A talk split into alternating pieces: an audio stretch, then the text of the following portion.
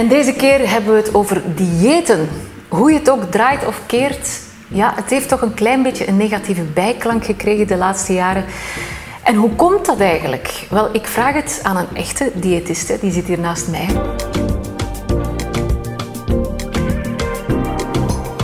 Dag Christine, welkom. Hallo, dag Amarilies, dank u wel. Ja, mag ik jou nu diëtiste noemen of noem ik jou beter een voedingsdeskundige? Zeg het maar. Ja, ik ben eigenlijk diëtist. Uh, nu, het is misschien toch wel eens belangrijk het verschil uh, duidelijk te maken tussen diëtisten en voedingsdeskundigen. Ja, er is dus degelijk een verschil tussen de twee. Er is echt wel een verschil, ja.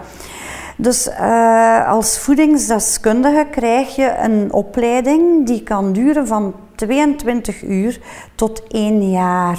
Dus dat is eigenlijk totaal geen uniforme opleiding en die opleiding is niet wettelijk omkaderd. Nu, ons beroep als diëtiste is sinds 1997 erkend. En hierin werden in een KB eigenlijk kwalificatievereisten gegoten. Dus dat betekent uh, welke theoretische vakken er moeten gedoseerd worden. Ja, ja dus je hebt uh, een, een, opleiding van hoeveel jaar is dat dan? Een driejarige opleiding, ja. het is een professionele bachelor. Uh, ook het aantal uren stage die wij moesten volgen en een eindwerk of thesis uh, die moest gemaakt worden.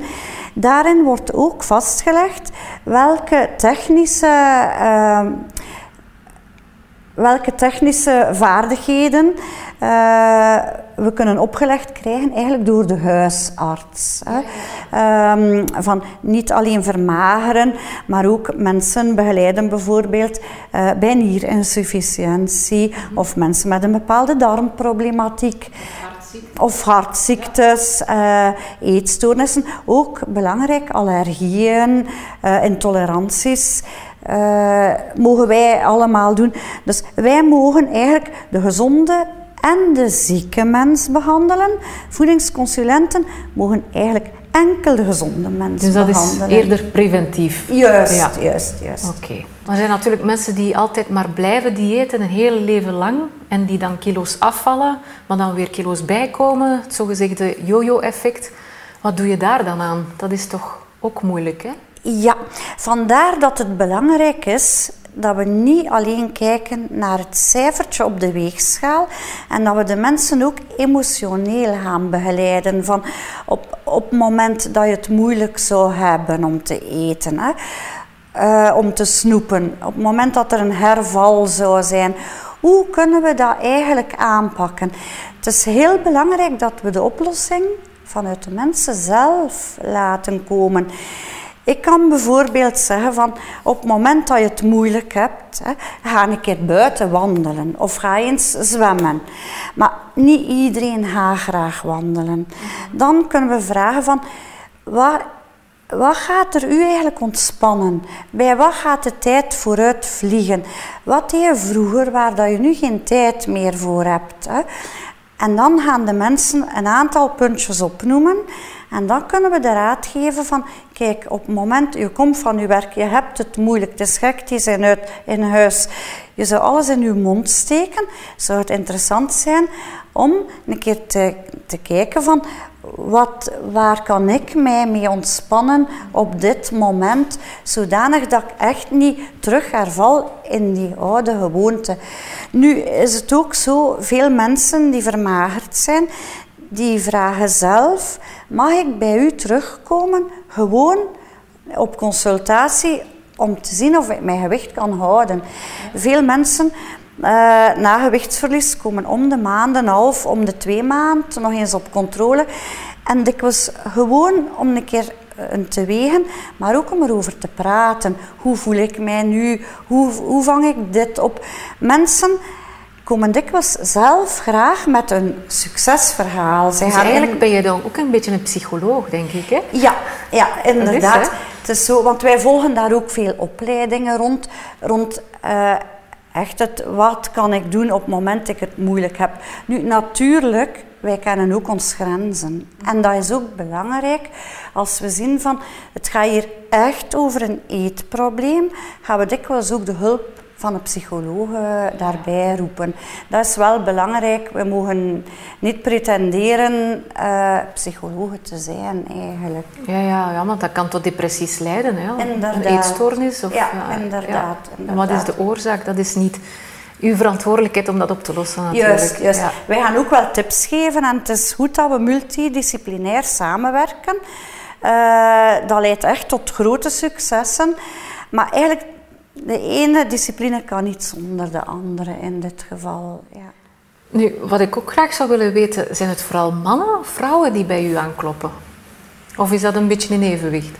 Goh, ja. Ik moet zeggen, vroeger waren, mocht ik toch zeggen, dat er een 90% van mijn cliënteel vrouwen waren. Maar dat is echt wel aan het veranderen. Ik denk dat nu nog een 60% vrouwen is. Ik merk eigenlijk wel een beetje een verschil. Vrouwen, als ze willen vermageren, gaan die rappen zo'n keer uh, hier of daar steken laten vallen. Hè. Een keer dat de man het initiatief neemt om bij een diëtiste te gaan, dan willen ze dat zo perfect volgen. En Allee, soms is dat wel grappig. Die volgen het tot op de letter. Hè. Ja, ja. Ik heb ook wel veel sportmannen dan die over de vloer komen. Uh, dat zie je ook meer en meer. Dus die hebben natuurlijk ook enorm veel zelfdiscipline. Ja, ja inderdaad. Maar is er zo'n bepaald dieet waar jij van zegt van dat is, het, dat is de Bijbel. Dat is echt hetgeen waar dat ik mij aan houd bij de meeste mensen om het ja, qua voeding voor te stellen? Ja, nu het is zo dat wij nog altijd een klassiek wetenschappelijke opleiding genoten hebben en dat wij over het algemeen werken met de basis uh, gezonde voeding. Hè. Uh, ik schrijf ook proteïnediëten voor, voor mensen die het vragen. Nu, ik ga dat nooit opdringen. Ik geef iedereen de keuze. Tegenwoordig zijn er wel enorm veel hypes. Ja, op internet vind je het een na het ander. Ja, je moet internet, libel, alle sociale media. Uh, op den duur weten de mensen het niet meer. Hè. Ik ga die hypes niet spontaan aanbieden. Het is wel zo, als de mensen met die vraag afkomen, dat ik daar toch wel wil op ingaan. En dat voor mij toch wel belangrijk is dat mijn cliënten een goed gevoel hebben. Soms uh, is belangrijk dat we echt compromissen sluiten. Bijvoorbeeld, sommige mensen denken met een glutenvrij dieet ga je vermageren. Gluten, dat zijn eigenlijk de eiwitten uit tarwe, uh, rogge, herst. Nu, juist in die producten zitten er prebiotica en die prebiotica zijn belangrijk op termijn voor onze darmwerking. Je hebt intermittent fasting, uh, het ketogeen dieet. Iedereen heeft daar wel al van gehoord. Het is van persoon tot persoon waarschijnlijk dat je moet kijken. Hè? Absoluut. Bijvoorbeeld mensen met diabetes type 1 die een ketogeen dieet volgen, hm, kan echt heel gevaarlijk zijn. Vandaar dat ik toch liever de mensen dan ergens richting geef binnen die hypes dan dat ze het op hun eigen doen en heel eenzijdig gaan eten, wat dikwijls tot gevaarlijke toestanden kan leiden. Ja, ja, ja, ja. Maar ik kan me voorstellen dat mensen soms het bos door de bomen niet meer zien, of de bomen... Door het bos, inderdaad, inderdaad. Maar uh, ja, er is zoveel. Ik heb ook ergens gelezen op het internet, uh, watermeloen en ananas, dat, dat je daarvan zou kunnen vermageren. Is dat zo? Ja, eigenlijk dat zijn allemaal hypes. En het is zo, watermeloen bevat niet veel calorieën, waardoor dat je er eigenlijk veel mag van eten. Maar het gaat niet echt actief vermagerend werken. Nu, ananas bijvoorbeeld, de ananasvrucht bevat wel iets meer koolhydraten dan bijvoorbeeld een citroen. Dus ik zou niet zeggen, ga maar ananas eten om te vermageren. Nu, fruit is natuurlijk aan de basis gezond. Ik ben voorstander om fruit te eten, om fruit binnen elke voedingsgewoonte te mhm. geven. Maar fruit bevat wel uh, eigenlijk suiker onder vorm van fructose. Dus Uh, ook niet onbeperkt, toch? Ja, ja, ja, Maar om het even, welk dieet, waarschijnlijk meer proteïne-diëten dat u, dat je voorstelt, de basis van alles is toch beweging? Of ben ik daar fout in? Absoluut. Ik zeg altijd tegen de mensen bij de eerste consultatie van kijk, vermageren, gezond zijn, is gebaseerd op drie pijlers. Uw voeding, beweging en voldoende water drinken. En dat is eigenlijk de rode draad door heel, doorheen alle consultaties bij mij. Ik ga nooit enkel over voeding spreken. Ik ga beweging daar ook actief bij betrekken. Ook al ben ik geen kinesiste die de mensen echt kan allez, grondig opleiden. Maar zelfs oude mensen ga ik, die minder mobiel zijn, ga ik vragen van... Heb je een home trainer thuis? Twee keer tien minuutjes per dag is al beter dan niets. Heb je een hondje? Oké, ga dan een keer een klein wandelingsje met je hondje doen. Alle beetjes helpen. Nu ook de elektrische fietsen. Hm? Sommige mensen zeggen een elektrische fiets. Nee, ja, uh, daar ga je niet van vermageren. Van, dat is eigenlijk kwatsch, een elektrische fiets. Je hebt geen calorieënverbranding. Mijn antwoord is dan wel... Vroeger bleven bijvoorbeeld mensen van 70 plus gewoon in een zetel zitten. En nu voor de, de tv. De fiets. En nu nemen ze de fiets. Ook al hebben ze een beetje ondersteuning. Ze nemen toch de fiets, ze zijn toch actief bezig. En je kan ze niet bijhouden. Hè? En je kan ze niet bijhouden. Plus, psychologisch ook wel heel belangrijk dat ze buiten zijn, de gezonde lucht. Ze komen een keer andere mensen tegen al fietsen. Ze gaan al rapper in zijn terrasje doen als het goed weer is. Dus eigenlijk voor de totale gezondheidstoestand is het absoluut aan te raden. Ja, je krijgt er meer energie door, je wordt er gelukkiger absoluut, van. Absoluut. Het is een totaalpakket. Absoluut, ja. absoluut. Nu, uh, hoe zit het met de terugbetaling bij de zorgverzekeringen? Is dat voor verbetering vatbaar? Eigenlijk is het wel voor verbetering vatbaar. Uh, ik moet zeggen, het is al positief dat het gebeurt. Hè. Uh, dus een diëtiste, dat, kan, dat wordt deels terugbetaald? Ja, bij de meeste mutualiteiten wel. Hè. Nu is het zo moest het, indien de terugbetaling hoger zou zijn, zou dat voor de maatschappij wel kostenbesparend zijn. Want bij een hogere terugbetaling zou de drempel lager zijn om bij de diëtiste te komen. Nu, er zijn eigenlijk hier rond al studies gebeurd hè, waaruit blijkt dat 1%, een 1 euro aan diëtistenkosten een maatschappelijk uh, voordeel van 14 euro oplevert. Dus wat toch wel, ja, wat eigenlijk toch wel heel belangrijk is. Zowel voor de maatschappij als voor de persoon zelf. Ja. Het is allemaal win-win eigenlijk. Hè? Ja. Het is een win-win situatie voor iedereen, voor de maatschappij, voor de cliënten en natuurlijk ook voor de diëtisten. Maar voor Neutraal Ziekenfonds, het VNZ, daar, daar gaat het wel goed. Daar ben je tevreden ja, over. Ja, want VNZ is eigenlijk bij de betere, moet ik zeggen.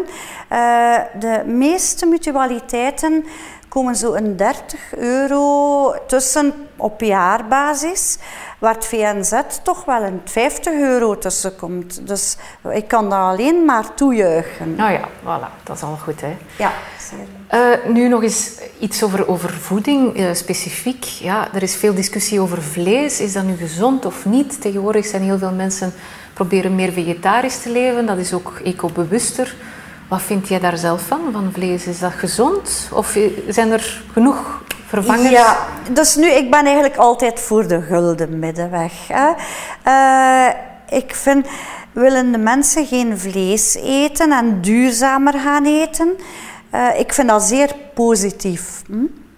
Nu, ik ga vlees ook niet afkeuren. Het is zo dat we best wel de portie vlees gaan beperken. Best. En dat we naar puur vlees gaan. Ik zeg geen bewerkt voedsel. Geen bewerkt voedsel. Ik zeg altijd tegen de mensen in mijn praktijk: denk aan de boerderij vroeger. Eet een puur stukje kip. een keer een puur uh, stukje varkensgebraad bijvoorbeeld.